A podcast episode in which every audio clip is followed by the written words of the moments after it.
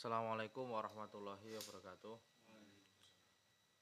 Ila hadana bin Mustafa Muhammad sallallahu ala alihi wa sahbihi aswati wa lati wa dzurriyyatihi wa tabihi wa tabi tabi selaru sayyidi qutbi robani ala rahsamadani sahabdur fadil jalani sahabra sanah sadiri saya salam ala jazuli saya ba'u nasabandi saya jauh dan alu sadra syator walasa Muhammad haki anna ziro sahabuni wa salim Syafi Imam Hambali wa ila seh Ihsan Jambas Al-Qadiri wa Muhammad Munawir Abdullah Rasyah Sahabul Afandi Munawir Sa Muhammad Afandi Munawir.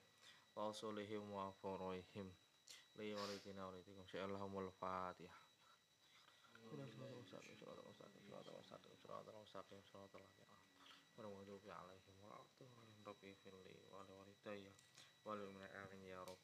Alamin Bismillahirrahmanirrahim. Qala musannifu rahimahullahu ta'ala wa nafa'ana bihi wa bi ulumihi fid dharain. Amin. Bismillahirrahmanirrahim. Wa inilan temasune engsun ya bener itu ya? Wa inilan temasune engsun iku iku ubayyinu jelasake sapa engsun laka maring sira ba'dha alamatihi. Seka, sebagiane pira-pira tandane seh ala sabilil izmali ing atase dalan eh, gamblang maksudnya general secara umum. Hatta layadai sehingga ora ngaku-ngaku sapa kula wahidin saben-saben wong. Siji anahu ing temesuhune kula wahid iku mursidun mursid.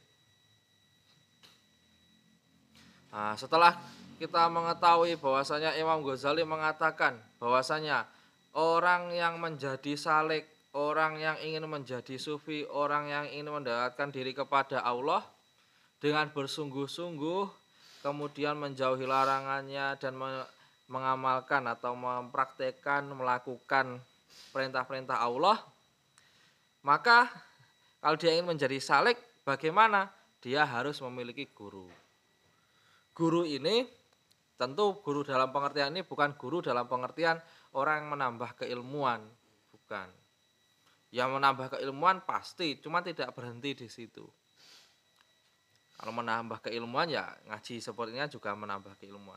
Cuma dalam konteks ini adalah guru yang menambah keilmuan dan mampu mendidik lahir batin sehingga menciptakan murid yang berakhlakul karimah dan mampu mendekatkan diri kepada Allah.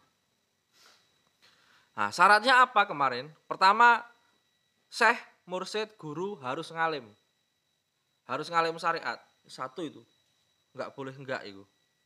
Tapi meskipun ada orang alim, dia ngalim pinter dalam bidang agama atau bidang apa pun, itu enggak jaminan bisa jadi mur, mursid atau jadi gu, guru.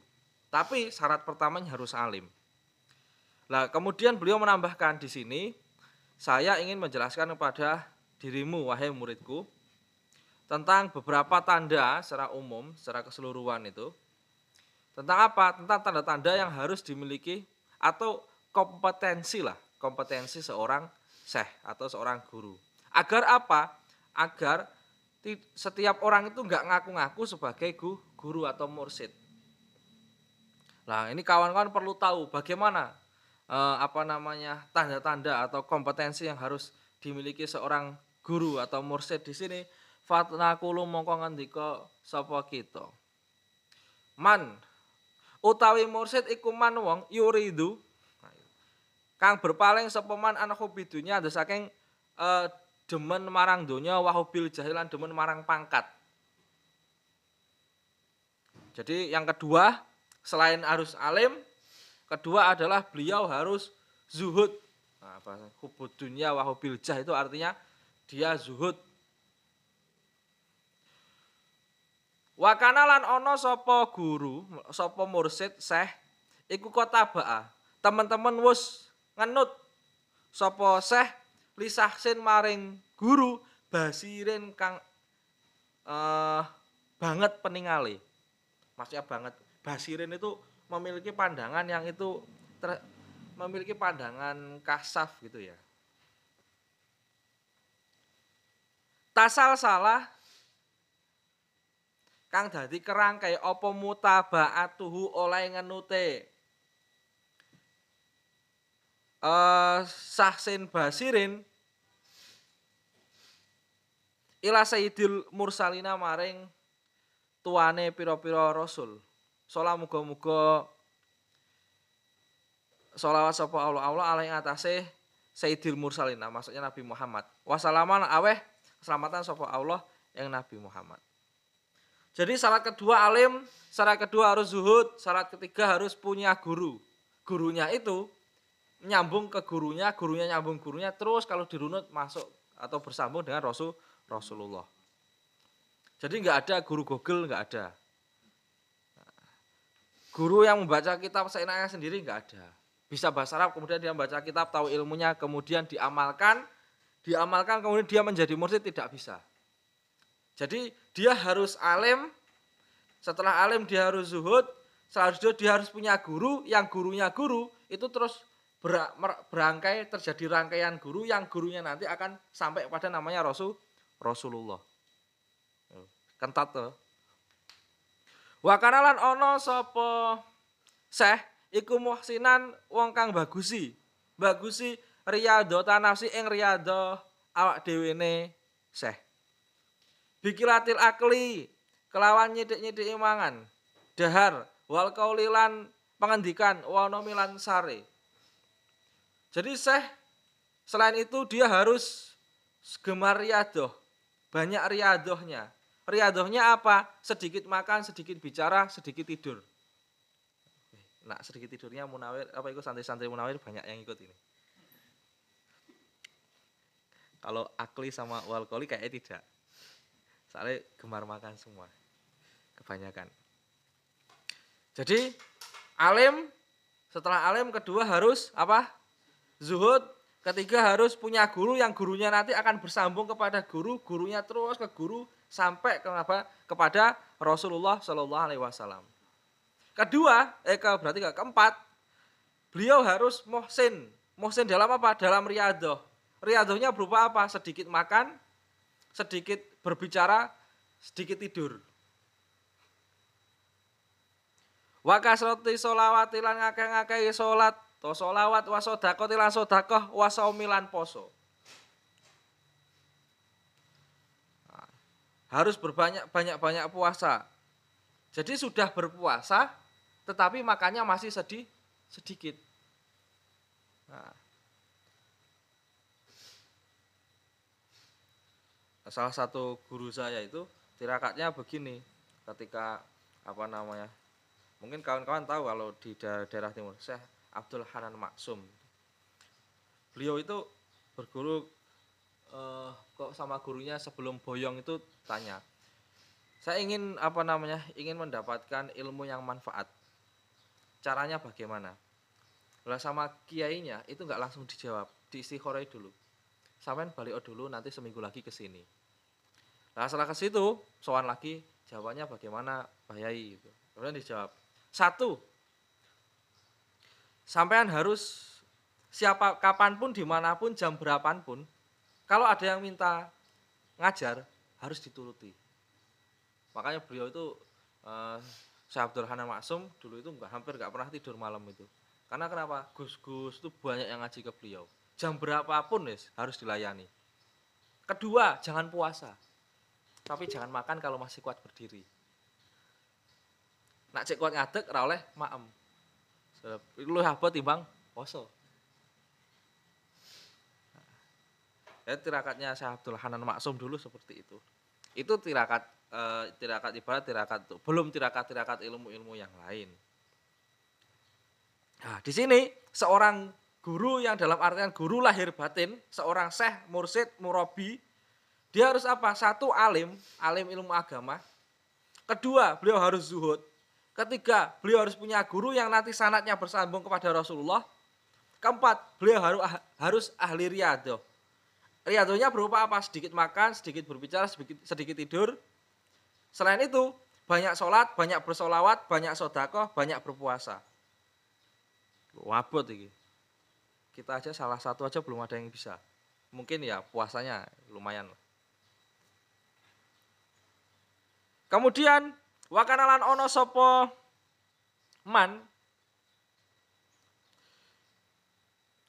bimutabatihi iku bimutabati kelawan ngenut ngenute man dalika seho ing seh al basira kang banget peningale iku jailan kang dadekake mahasinal akhlaki ing pira-pira? Muhasinal akhlaki ing pira ing wong kang bagusi akhlak lahu maring man sirotan ing dalem uh, dalan uripe. Jadi ketika seorang itu merujuk kepada apa namanya dia berguru kepada syekh itu syekhnya itu harus bagaimana? Harus uh, menunjukkan beberapa karakter akhlak kasobri kaya sabar wasolatilan salat wasukri lan syukur watawakuli lan tawakal wal yakinin lan yakin wal konaati lan konaah watu makninatin nasilan antenge jiwa Wal khilmilan sabar. Apa bedanya khilmun sama sobrun? Sobrun itu gini. Kalau dalam eh, apa namanya di sarahnya itu di sarah Minhajul Abidin yang berjudul Sirajul Talibin itu dijelaskan begini. Kalau sobrun sama tak keplak nesu tapi mbok empat. Iku sobrun. Jadi jarek nesu nih. Tapi kalau khilmun tak keplak yuran ya di rasa nesu. Itu lebih berat lagi khilmun. Seperti halnya siapa khilmun ya Rasulullah Rasulullah itu udah hilmun dilempari kotoran disakiti malah berdoa baik nah kalau kita mungkin sobrun dalam artian oh nanti kalau tak balas sabar lah. Nak tak balas malah nggak malah tambah runyam. Nah, itu masih so, sabar malah dalam tingkatan sabar. Tapi kalau hilmun itu sudah apa namanya nggak ada rasa itu. Marahnya itu udah nggak ada. Karena kenapa? Sudah terbiasa dengan bersabar. Wa tawadu ilan tawadu wal ilmu ilmu wasit kilan jujur wal haya ilan isin wal wafa ilan amanah wal wakor ilan mantepe ati wasukuni yo anteng tenang wa ta'ani lan ngati-ngati wa amsaliha lan sepadane sobar sampai sukun. Jadi kalau sudah menemukan guru seperti itu, beliau alim, kemudian beliau zuhud.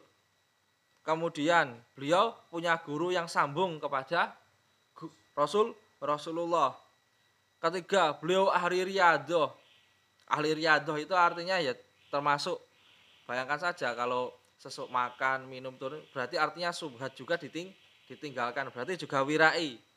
Kalau sudah menemui guru yang seperti itu, maka murid yang apa namanya berguru kepada beliau jailan mahasinal akhlak lahu.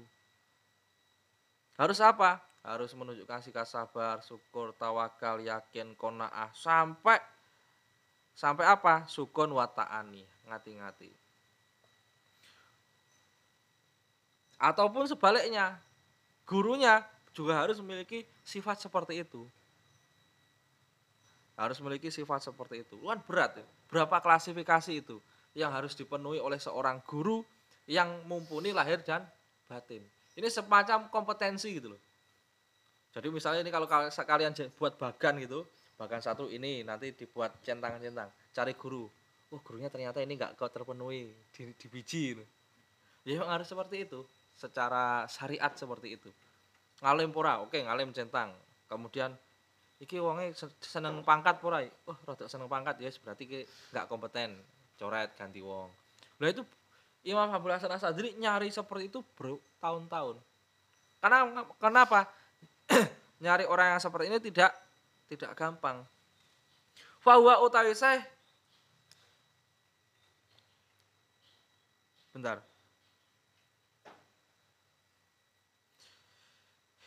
Faiza mongko utawi saya iku iza endal iku iza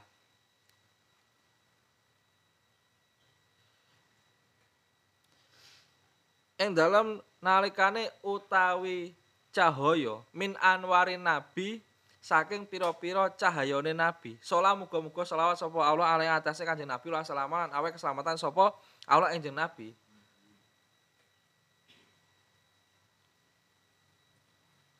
Ya seluhu mongko patut. Sapa murid lil iktidae maring ngenut bi kelawan seh. Karena kenapa? harus menunjukkan sifat-sifat yang baik seperti itu karena guru itu adalah apa? cerminan pancaran dari cahaya na, nabi.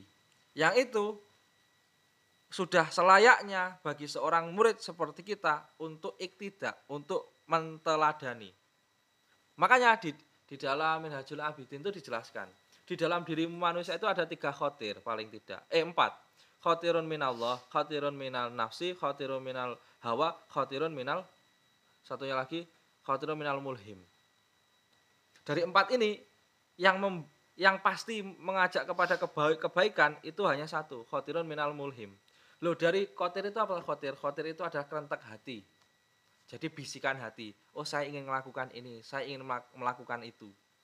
Lah itu ada mizannya, ada timbangannya untuk menentukan apakah yang dikehendaki hati saya ini baik atau buruk. Berasal dari khotiru khatiru minallah, khatiru minasyaiton, khatiru minan nafsi atau khatiru minal mulhim. Lah, orang kalau tidak tahu ini nanti akan bingung. Lah, salah satu syarat e, mizannya, standarnya itu satu, apakah dia bertentangan dengan syariat atau tidak. Kedua, al tidak bisolihin. Misalnya begini. Misalnya live streaming, nah, contoh live streaming yang saya alami sendiri. Live streaming, misalnya live streaming live streaming itu kan menyebar, apa itu menyebarkan ilmu kan bagus dan memang diharuskan. Tentu itu tidak bertentangan dengan syari, syariat. Tetapi kita masih maya, mamang. Karena kenapa? Oh, live streaming jangan-jangan nanti meskipun ini dianjurkan syariat tapi saya, aku kuat nyonggo pora yo. Kuat sanggane itu maksudnya saya bisa ikhlas tidak di situ. Atau nanti saya malah terjerumus dan akhirnya saya apa namanya hanya mencari pangkat mencari ketenaran saja. Akhirnya kan bingung orang ini. Meskipun secara syariat boleh, tapi dia tahu kondisi hatinya. Saya mampu nggak melakukan ini. Akhirnya standar yang kedua, iktidak bisolihin. Iktidak bisolihin itu apa? Melihat, oh ternyata Pak Hilmi, oh Pak Hilmi live streaming. Oh di sini Mbak Najib live streaming. Oh di sini ternyata Gus Bak live streaming. Guru-guru saya pada live streaming. Yowes live streaming. Kok masih bingung lagi? Standar ketiga lagi, itu bertentangan dengan kesenangan kita enggak? Kalau itu sesuai dengan kesenangan kita untuk kepentingan pribadi, maka itu e, bisikan dari nafsu. Yang artinya kalau kita ikuti, maka itu akan merujuk kepada kejelekan. Nah, akhirnya kalau sesuai maka ditinggalkan, kalau tidak sesuai maka dilakukan. Maksudnya sesuai itu sesuai dengan hawa hawa nafsu. Dan itu standar-standar yang harus dilakukan oleh seorang murid ketika apa? Iktidak kepada orang soleh. Jadi iktidak orang soleh, iktidak itu maksudnya mensuri tauladani para guru, itu dijadikan standar seorang murid di dalam melakukan sebuah tindakan. Walakin tetapi nih wujudu mislihi utawi onone sepadane seh iku nadirun jarang. Azu kang luwih mulya minal kibriti saking korek alhamari kang abang istilah. Jadi kibrit ahmar itu istilah. Ya ada yang mengatakan nah, nyebut-nyebutnya merah delima atau apa ya. Tapi yang jelas guru yang memenuhi kompetensi-kompetensi seperti itu itu seribu satu. Sangat jarang sekali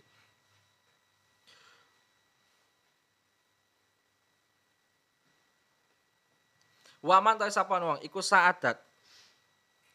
Bungake hu ing murid. Apa asaadatu kebungahan? Fawajada mungko nemu. Sapa man saykhon ing guru kama kaya perkara zakarna kang wis nuturake sapa kita? Wa qabilahu lan rimo hu ing man sapa asaihu seh? Yang bagi mongko prayoga. Apa ayah tarima yen to ngurmati sapa man hu ing seh zahiran ing dalam zahire wa batinan lan batine. Apabila dia beruntung kemudian dia mendapatkan seh seperti ketentuan-ketentuan di atas, mendapatkan guru yang memenuhi kompetensi di atas mulai dari alim, zuhud, warok, ahlu riyadoh. Itu terpenuhi, maka yang bagi ayah tarimahu zahiran wa batinan murid tersebut harus menghormatinya lahir batin. Lah, penghormatan lahir batin itu bagaimana? ama ihtiramu zahir anapun utawi ngurmati zahire bahwa mongko utawi man iku ala yujadila yen to ora debati sapa man hu ing seh walayastahila lan ora ketungkul sapa man man itu maksudnya murid ya. Lahu maring seh bil ikhtijaji kelawan adu argumen. Mahu bareng sartane seh fikuli mas'alatin ing dalam saben-saben masalah wa in alima lan senajan ngerti sapa murid khoto ahu ing salahe seh lo ini loh. Ini dalil kenapa? Misalnya Mbah Khalil punya murid Mbah Hasim As'ari, Mbah, Mbah Khalil punya murid Mbah Abdul Manap atau Mbah Abdul Karim Lirboyo mengatakan meskipun maknanya salah itu tetap diiku, diikuti. Karena kenapa? Itu adalah ihtiramu zahir. Dengan catatan beliau alim, zuhud, warok, ahlu riyado. Kalau enggak, yo ya salah yo ya dielengke. Yo ya sejatine salah. Bahkan dalam babakan halal haram, ini dicontohkan di dalam Al-Quran dalam kasus siapa? Dalam kasus Nabi Musa dan Nabi Khidir. Bayangkan saja di Al-Quran itu anak kecil dibunuh. Membunuh anak kecil itu hukumnya apa? Kan haram. Tetapi nggak usah kakek tanya.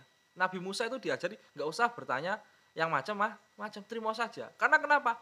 Guru yang memenuhi empat apa itu beberapa kompetensi ini mulai dari alim agomo, kemudian zuhud, kemudian wirai, kemudian ahlu riadoh dengan sedikitkan makan, sedikitkan bicara, sedikitkan tidur, memperbanyak sholat, sholawat, sodakoh, puasa. Guru yang memenuhi kompetensi tersebut kalau melakukan sesuatu yang menurut kita salah, itu pasti ada pertimbangan yang lebih dalam. Yang itu melampaui akal pikiran kita. Jadi ada hal-hal yang tidak kita ketahui, yang itu diketahui oleh guru selama kompetensi ini dipenuhi. Kalau enggak ya diingatkan saja kalau salah kan gitu. Berarti emang benar-benar sah, salah. Itu alasan kenapa misalnya kayak Mbah Hasim, As'ari, kemudian Mbah Abdul Manap Lirboya atau Mbah Abdul Karim. Itu kalau gurunya sanjang A bahkan itu disuruh masuk ke dalam api, ya masuk. Karena kenapa? Ya gurunya itu salah satu bentuk apa? Penghormatan lah lahir. Ini loh, kalimatnya kan eksplisit. Wa in alima khoto'ahu. Meskipun murid itu tahu bahwa gurunya itu sah, salah. Tapi salah dalam pengertian ini harus didasari dengan pemenuhan kompetensi kelayakan gu, guru atau syekh. Apa itu? Harus ngalim agomo, tahu hukum fikih, syariat, tasawuf, Pokoknya, pokoknya ngalim lah.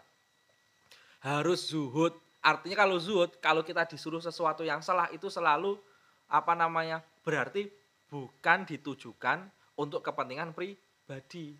Loh kalau ini syarat-syarat mulai dari zuhud, wirai, alim, kemudian ahlu riyadu ini nggak terpenuhi, kalau kita disuruh salah, biasanya itu kita dimanfaatkan saja.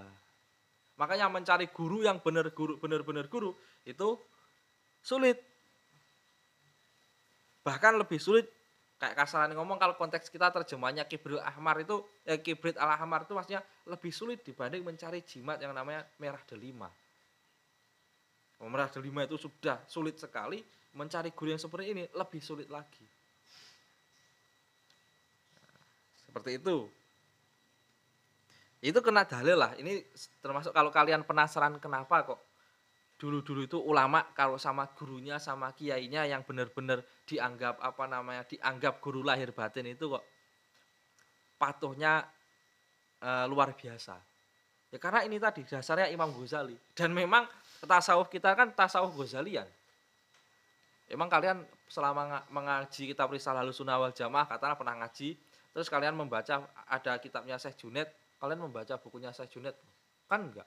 Juga membaca Imam Ghazali terus loh mulai dari Minhajul Abidin, Ihya Ulumuddin, Ayyuhal Wala, Al-Kasbu Tabiin, Bidayatul Hidayah.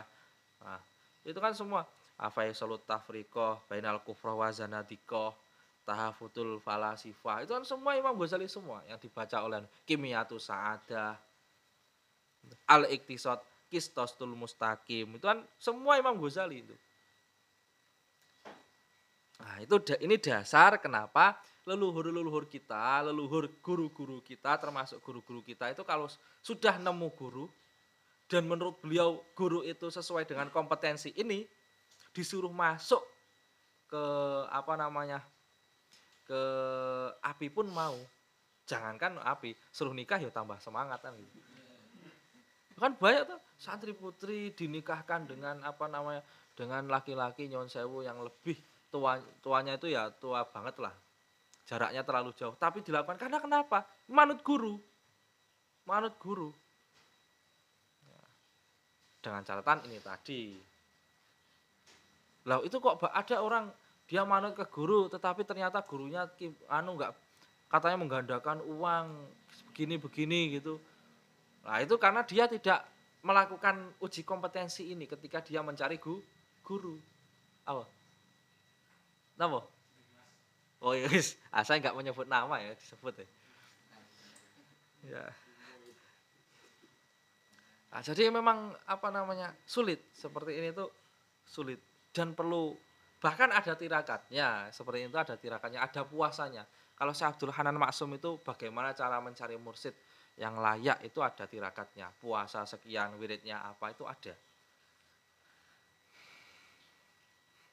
Makanya saya masih ingat suatu ketika di dalam sebuah pembicaraan sufi saya melihat saya melihat di Anhar TV kalau tidak salah. Anhar TV kok nggak enak kang di Indonesia? Iya Anhar TV itu channel Arab. Itu ketika itu e, mewawancarai siapa namanya?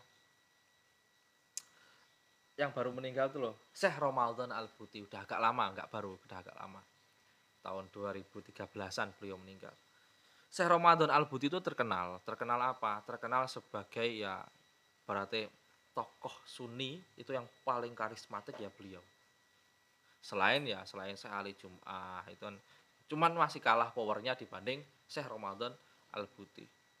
Syekh Ramadan Al-Buti itu ditanya, Syekh, kenapa jenengan kok tidak ikut Toreko? Jawabannya Syekh uh, siapa namanya Syekh Ramadan Al-Buti gimana?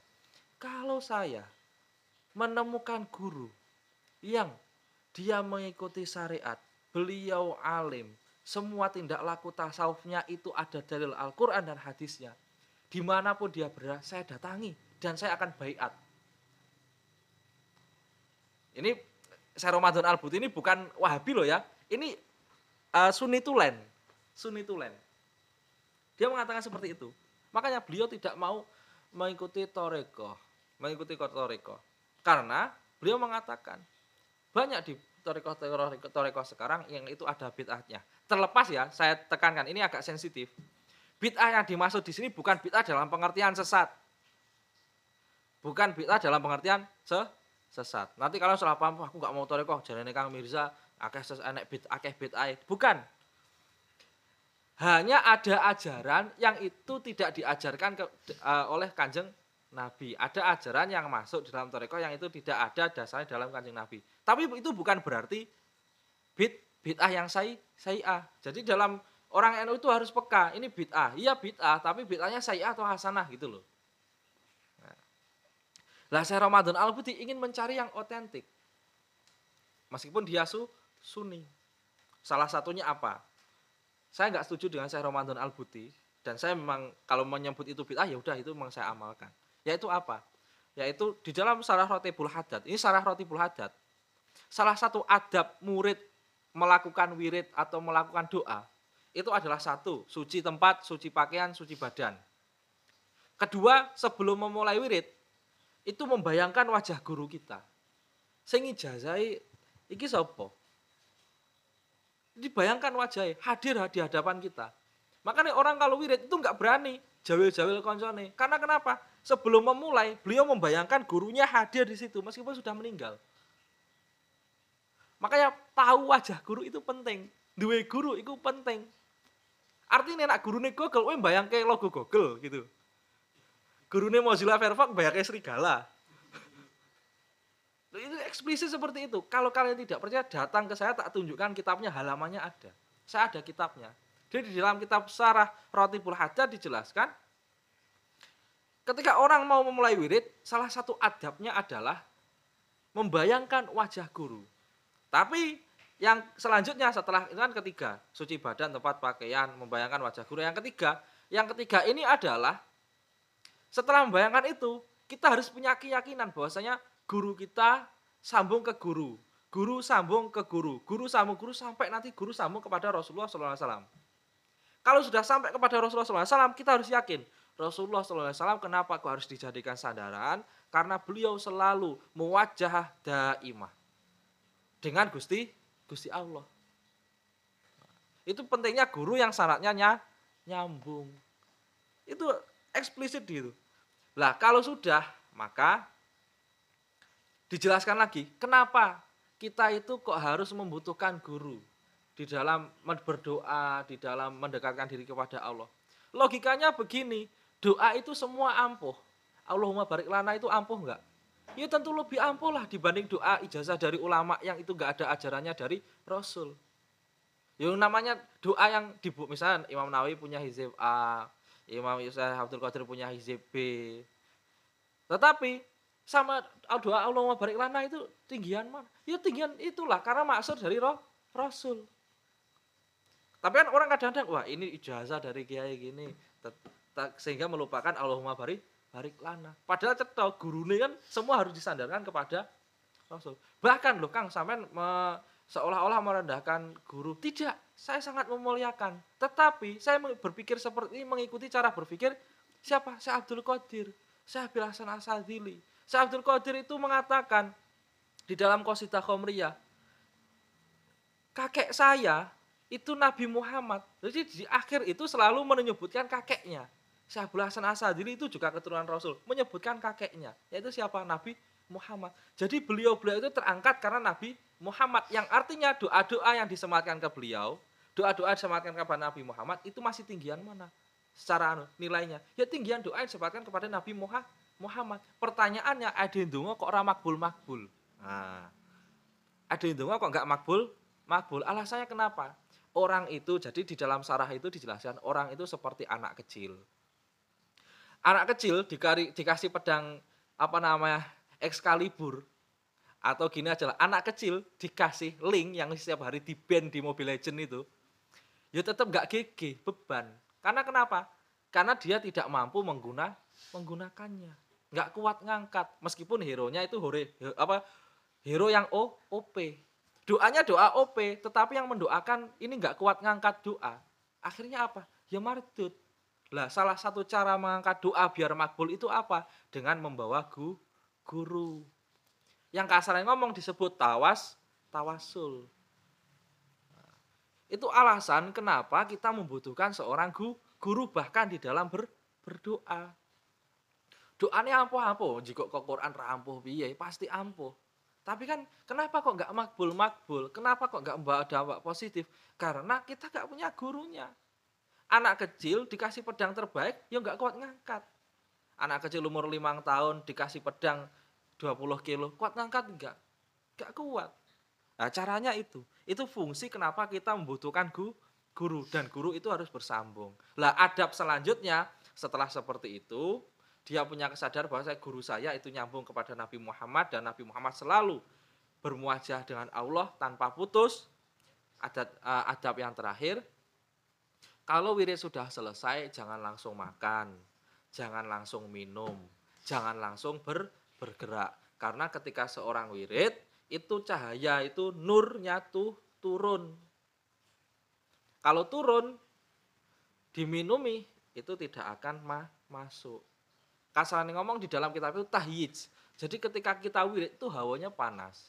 Panas rindu gitu semangat. Tapi ketika diminumi, tentu akan panasnya itu akan hilang. Itu eksplisit seperti itu di dalam sarah e, rotib terkait bagaimana ada pada gula. Membayangkan guru di dalam wirid itu bid'ah menurut Syekh Ramadan Al-Buti. Karena tidak ada ajarannya dari Rasul, terlepas itu benar atau salah. Dua-duanya ini sunni, dua-duanya ini sunni semua. Dua-duanya sunni. Lah tentu para habaib habaib khususnya dalam bidal ini penga saya siapa namanya eh, Habib Umar bin Hafid, kemudian muridnya ada Syekh Ali Al Jufri, itu tentu meng mengiyakan pendapat siapa? Syekh Abdullah Al Haddad. Tapi Syekh Ramadan Al Buti, eh, Al Buti ini berbeda pendapat. Berbeda penda, pendapat. Termasuk juga Syekh Nazim Al Hakoni. Eh, beliau dari i- dari ibu itu Jalaluddin Rumi, dari bapak itu Hasani. Jadi dari keluarga Habaib. Lah ini dua ulama berbeda, berbeda pendapat. Saya siapa namanya? Syekh Nazim Al Hakoni dengan Syekh Ramadan Al Buti. Tetapi Syekh Ali Al Jufri itu baiat kepada siapa? Syekh Ramadan, eh Syekh Nazim Al Hakoni. Tetapi juga menjadikan guru, menjadikan guru Syekh Ramadan Al Al Buti. Itu menunjukkan bahwasanya silang pendapat di antara dua guru yang berbeda sama-sama itu tidak masalah. Nggak usah digontok-gontok. Oke, biasa wae. Yang penting itu saling menghor menghormati. Kalau nggak tidak tidak percaya datang ke saya tak tunjukkan TV-nya ada. Saya selalu nonton ya karena kita orang Indonesia kan sulit toh nonton eh, live. Ya bisa live Anahar TV itu live bisa. Cuma di Anahar TV itu saya lebih sering lihat apa namanya itu eh, lihat streamingnya itu loh yang sudah diupload sekian, diupload sekian itu ada.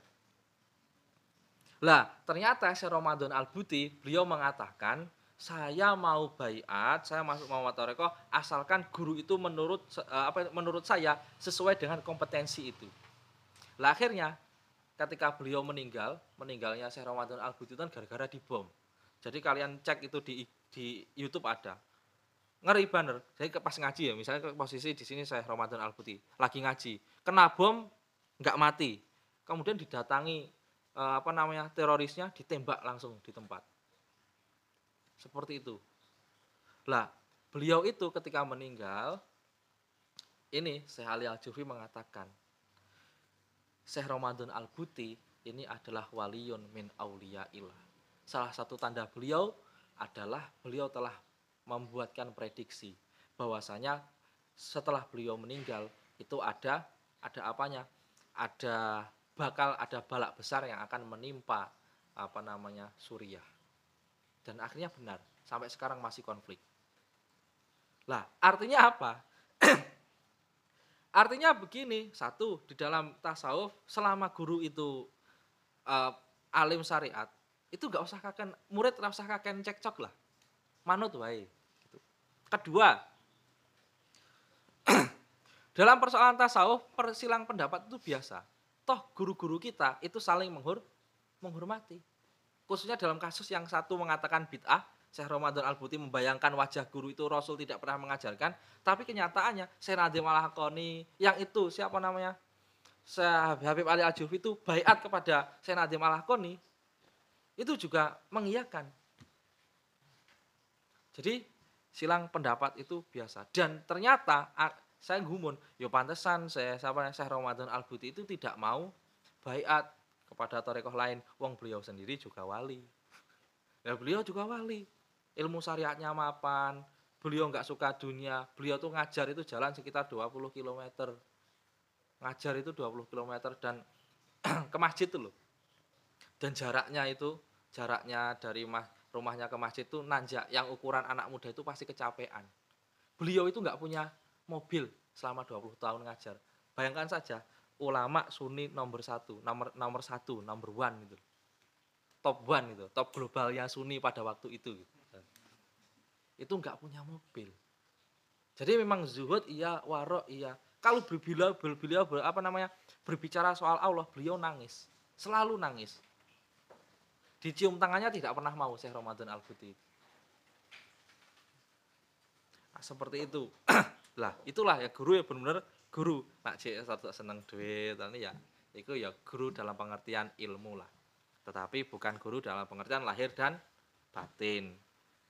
Ya semuanya harus dihormati, cuman yang benar-benar dijadikan pegangan tuh yang guru yang sesuai dengan kompetensi lahir dan batin.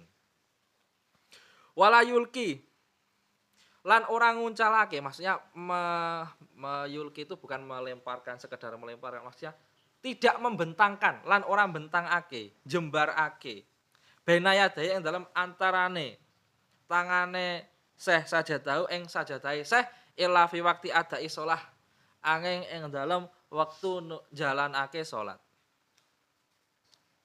Maksudnya apa?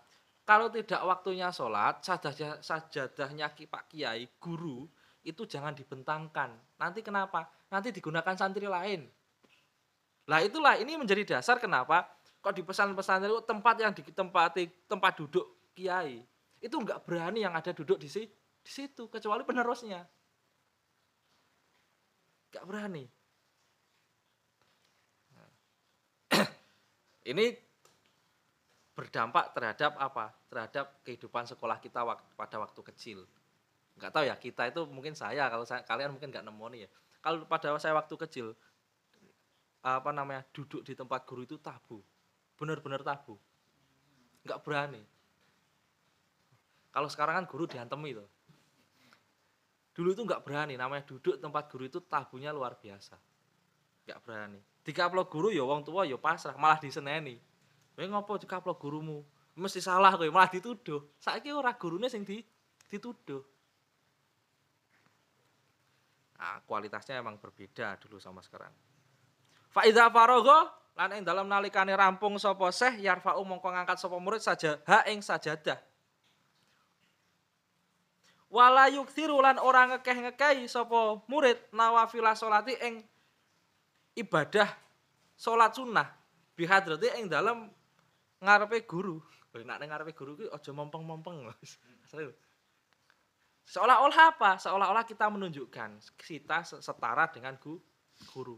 Ibadah kita itu setara dengan guru padahal tidak pernah. Jadi itu jangan melakukan sholat eh, di hadapan melakukan sholat yang berlebihan di hadapan guru. Dalam pengertian di sini adalah seolah-olah ibadah kita itu lebih kencang dibanding guru. Padahal yo apa namanya ini maknanya bisa kontekstual. Ya silakan kalian maknani secara hermeneutik ini bisa ini. Karena tidak harus dimaknai secara literal. Wayak malu ngamal sopo murid ma ing barang yak muru kang perintah hu ing ma sopo asayu husah minal amali saking amal bikodri wusi kelawan kadar kekuatan man watokoti hilan kemampuan man. Kalau disuruh guru harus dilakukan sekuat mungkin, semampu mungkin itu masih itu kan semua itu kan sulit toh ama ihtiramu dohir sampai wus'i watokoti itu kan dilakukan su sulit. Sopo jajal? Le aja mulai sampe aja boyong dhisik ning kene Pak saya sak pengen rabi ya Pak Yai tak mulai sik. Nah, kan banyak yang kayak gitu. Kami kalau bang bener-bener guru yang apa namanya guru yang lahir batin murid yang patuh lahir batin nggak berani. Makanya sampai puluhan tahun di pondok. Mungkin orang lain akan melihat, iki piye to pondok kok suwe tenan. Apa hasil ngomah-ngomah wong iki. Tapi nggak boleh di judgment kayak gitu orang orang itu nggak boleh dijudge. Karena kenapa? Yang tahu urusan seperti itu hanya dia dan gu, gurunya. Ini sudah masuk ke dalam uh, persoalan-persoalan batin. Lah, ini kita masuk ke dalam ikhtiramul batin. Wa amma ikhtiramul batin lan anapun utawi ngurmati batin ing dalam batin bahwa mongko utawi ihtiramul batin iku anakku lama temesune sekabehane barang yasmau kang krungu sapa murid hu ing ma wayak balu lan rimo sapa murid minhu ing ma minhu saking seh fidhari ing dalam zahir layung kirhu ora ngingkari sapa murid hu ing seh fil batine ing dalam batine. Lafi lan ora kelawan tindakan wala kaulan lan ora kelawan ucapan. Li yatasimah supaya ora den tandai yatasi itasama itu menandai tapi di sini maksudnya itu disebut. Li yatasimalan supaya ora den arani sapa murid bin den arani bin nifaki kelawan munafik. Jadi murid tadi yang mulai sajadahnya dibentangkan ketika beliau sholat ketika rampung ditata lagi kemudian kalau beliau perintah A ya harus dilakukan, bahkan itu menurut kita salah ya harus dilakukan. Dengan catatan gurunya memang benar-benar guru. Nah, di sini penghormatan batinnya bagaimana? Semua yang diungkapkan, semua yang disampaikan oleh guru harus didengarkan baik-baik, harus diterima baik-baik, tidak boleh diingkari, baik dalam rupa ucapan tindakan. Sehingga apa? Sehingga dia disebut muna, munafik. Jadi munafik itu bukan hanya apa namanya bersifat apa ya kalau dalam pengertian sufi itu munafik itu bukan hanya bermuka dua bukan hanya bermuka dua. Dalam pengertian neng ngomong iki ngomong A neng ngomong liya ngomong B. Bukan hanya itu. Munafik di dalam hubungan antara murid dan guru di dalam sarah rotib itu dijelaskan. Kalau murid konsultasi kalau murid sudah menemukan gurunya yang lahir batin itu sudah ditemukan semua borok-boroknya harus diungkapkan tidak boleh disembunyikan kalau ada yang disembunyikan, maka dia disebut munafik. Sampai seperti itu. Jadi kalau sudah ketemu guru yang lahir batin, semua kesalahan kita diflorin yang guru. Padahal meskipun tidak diceritakan namanya guru yang zuhud, warok, macam-macam ini terpenuhi, itu sudah pasti tahu isi hati kita. Kondisi batin kita itu tahu. Tapi kenapa beliau tidak mengungkapnya? Karena beliau itu selalu berbicara, mengungkapkan, bertindak sesuai dengan kebu kebutuhan. Kalau dirasa tidak butuh ya tidak dilakukan. Makanya saya itu agak sanksi, agak sanksi itu agak tidak nyaman kalau ada orang punya kemampuan itu di share-share di YouTube. Contoh apa namanya bisa manggil arwah begini tunjukkan di YouTube. Karena kenapa? Memang SOP-nya, kasarnya ngomong SOP-nya itu tidak boleh seperti itu kamu punya masalah batin misalnya disantet kemudian kayaknya tak ewangi. Nggak boleh harus diam. Sampai orang itu harus minta tolong kepada kita kalau kita punya kemampuan. Lah di YouTube itu malah jadikan konten. Itu makanya saya agak sanksi agak terganggu gitu loh.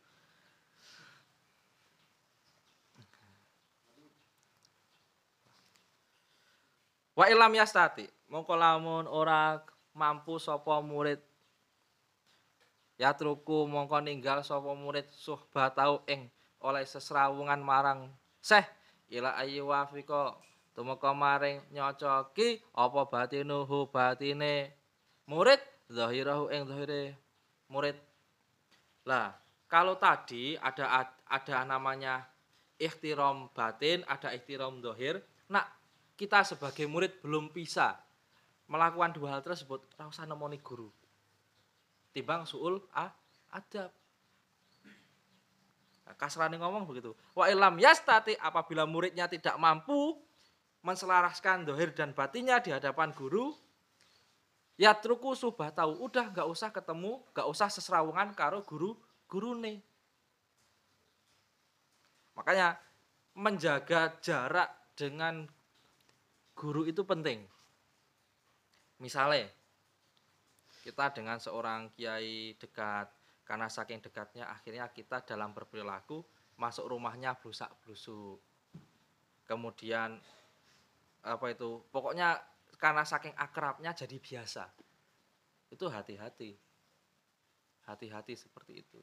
Karena kenapa? Karena itu namanya sedekat apa pun kita itu ya tetap harus menjaga kesopanan adab lahir batin itu memang harus dijaga. Kecuali kalau memang diizin diizinkan. Misalnya kalau di sini kan santri ngokok kalau ketemu sama Guse sama Guse memang diperbolehkan ngerokok dan biasa ngerokok. Itu monggo ngerokok. Tapi kalau tidak ya enggak usah. Enggak usah. Nah, jadi seperti itu. Kalau tidak mampu melakukan ihtiram dohir, ihtiram batin, ya udah nggak usah suhbah nggak usah apa sesra seserawungan sama gurunya. Nah tak tuntaskan sekalian nih. Wayah tarizu. Lan jaga sapa murid an mujalasati sahibi sui ando saking eh, jagongan bareng wong kang nglakoni ala liyak sura supaya dadi sempit supaya nyempitake sapa murid wilayata sayati nil jinni kekuasaane pira-pira setane jin wal ingsilan menungso ansoni kolbi ando saking atine murid. Fayasfi mongko dadi jernih sapa murid min lausi saitonati saking regete seton. Wala kuli halin ngatase sekabehane keadaan yah taru milih sapa murid al faqra yang atase miskin alal ghina yang atase sugih. Wah iki. Kalau kita tidak mampu eh, seserawungan berjumpa dengan guru dalam menjaga adab kan disuruh untuk tidak menjumpa menjumpainya. Kecuali kalau memang sama gurunya dipanggil suruh ber, bertemu. Gitu loh. Tapi kalau kita tidak disuruh apa namanya kita memang tidak mampu itu kemudian harus meninggalkan suhbah bukan berarti kita apa jagungan dengan orang yang melakukan keje, kejelekan misalnya biasanya jagungan karo kiai akhirnya karo sebar ngaji iki ra gelem jagungan karo kiai akhirnya malah jagungan karo wong gaplekan ning pinggir dalan nah itu itu yang dilarang Lalu lantas maksudnya apa? Maksudnya disuruh uzlah dalam kasus ini kalau kita baca kitab Imam Ghazali yang lain itu disuruh uz, uzlah, disuruh sendiri. Jadi bersa, ber ya physical distancing itu memang benar. Ya. Jadi memang bertemu dengan orang kecuali ada benar-benar kebu, kebutuhan. Kalau nggak butuh ya nggak usah bertemu gitu. Agar bagaimana liyak suro wilayah tasayatinil jini agar eh, ranah-ranah setan dan gangguan manusia di dalam hati manusia itu dapat diminimalisir. Wes fimilausi syaitan nanti agar hatinya murid itu bersih dari kotor kotoran. Tetapi wa ala hal namun bagaimanapun keadaannya yahtaru al faqro alal gina. Murid itu disuruh meminta kefakiran dibanding e, kekayaan secara umum. Tapi bukan berarti tidak bolehkah tidak boleh kaya. Tapi memang kenyataannya kaya itu kan juga tantangan juga kan gitu. Siapa yang kaya nggak tantangan gitu kan. Siapa yang kehilangan duit rong juta ramumet kan gitu. Pasti mumet. Termasuk saya kan gitu. Wah, Wahid nggak mumet gitu. Bagus. Malah sholatnya akeh ning masjid. Sholatnya akeh. Bengak-bengok.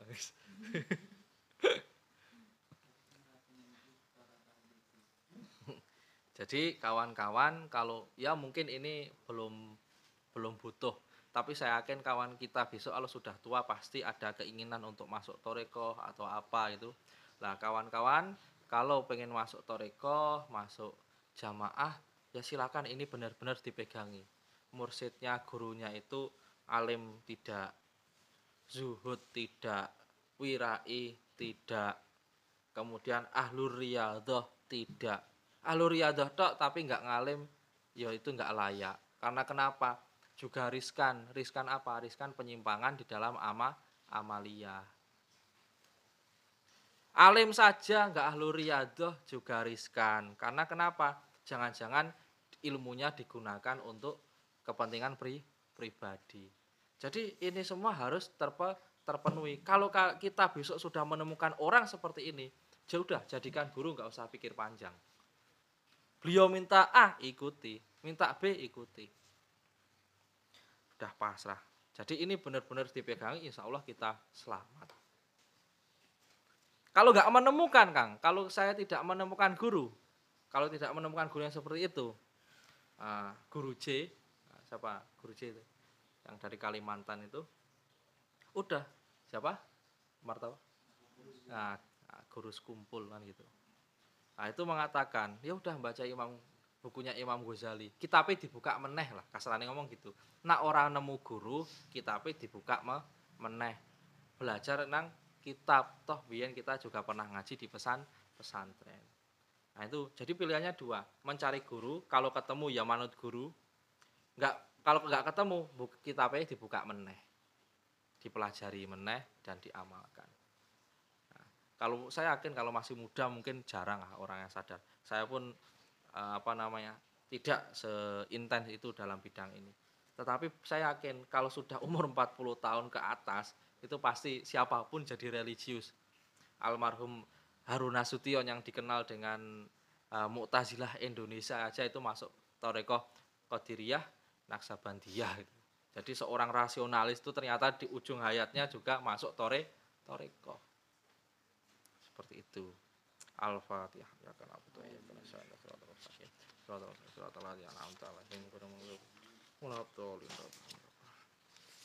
ya kurang lebihnya saya mohon maaf Assalamualaikum warahmatullahi wabarakatuh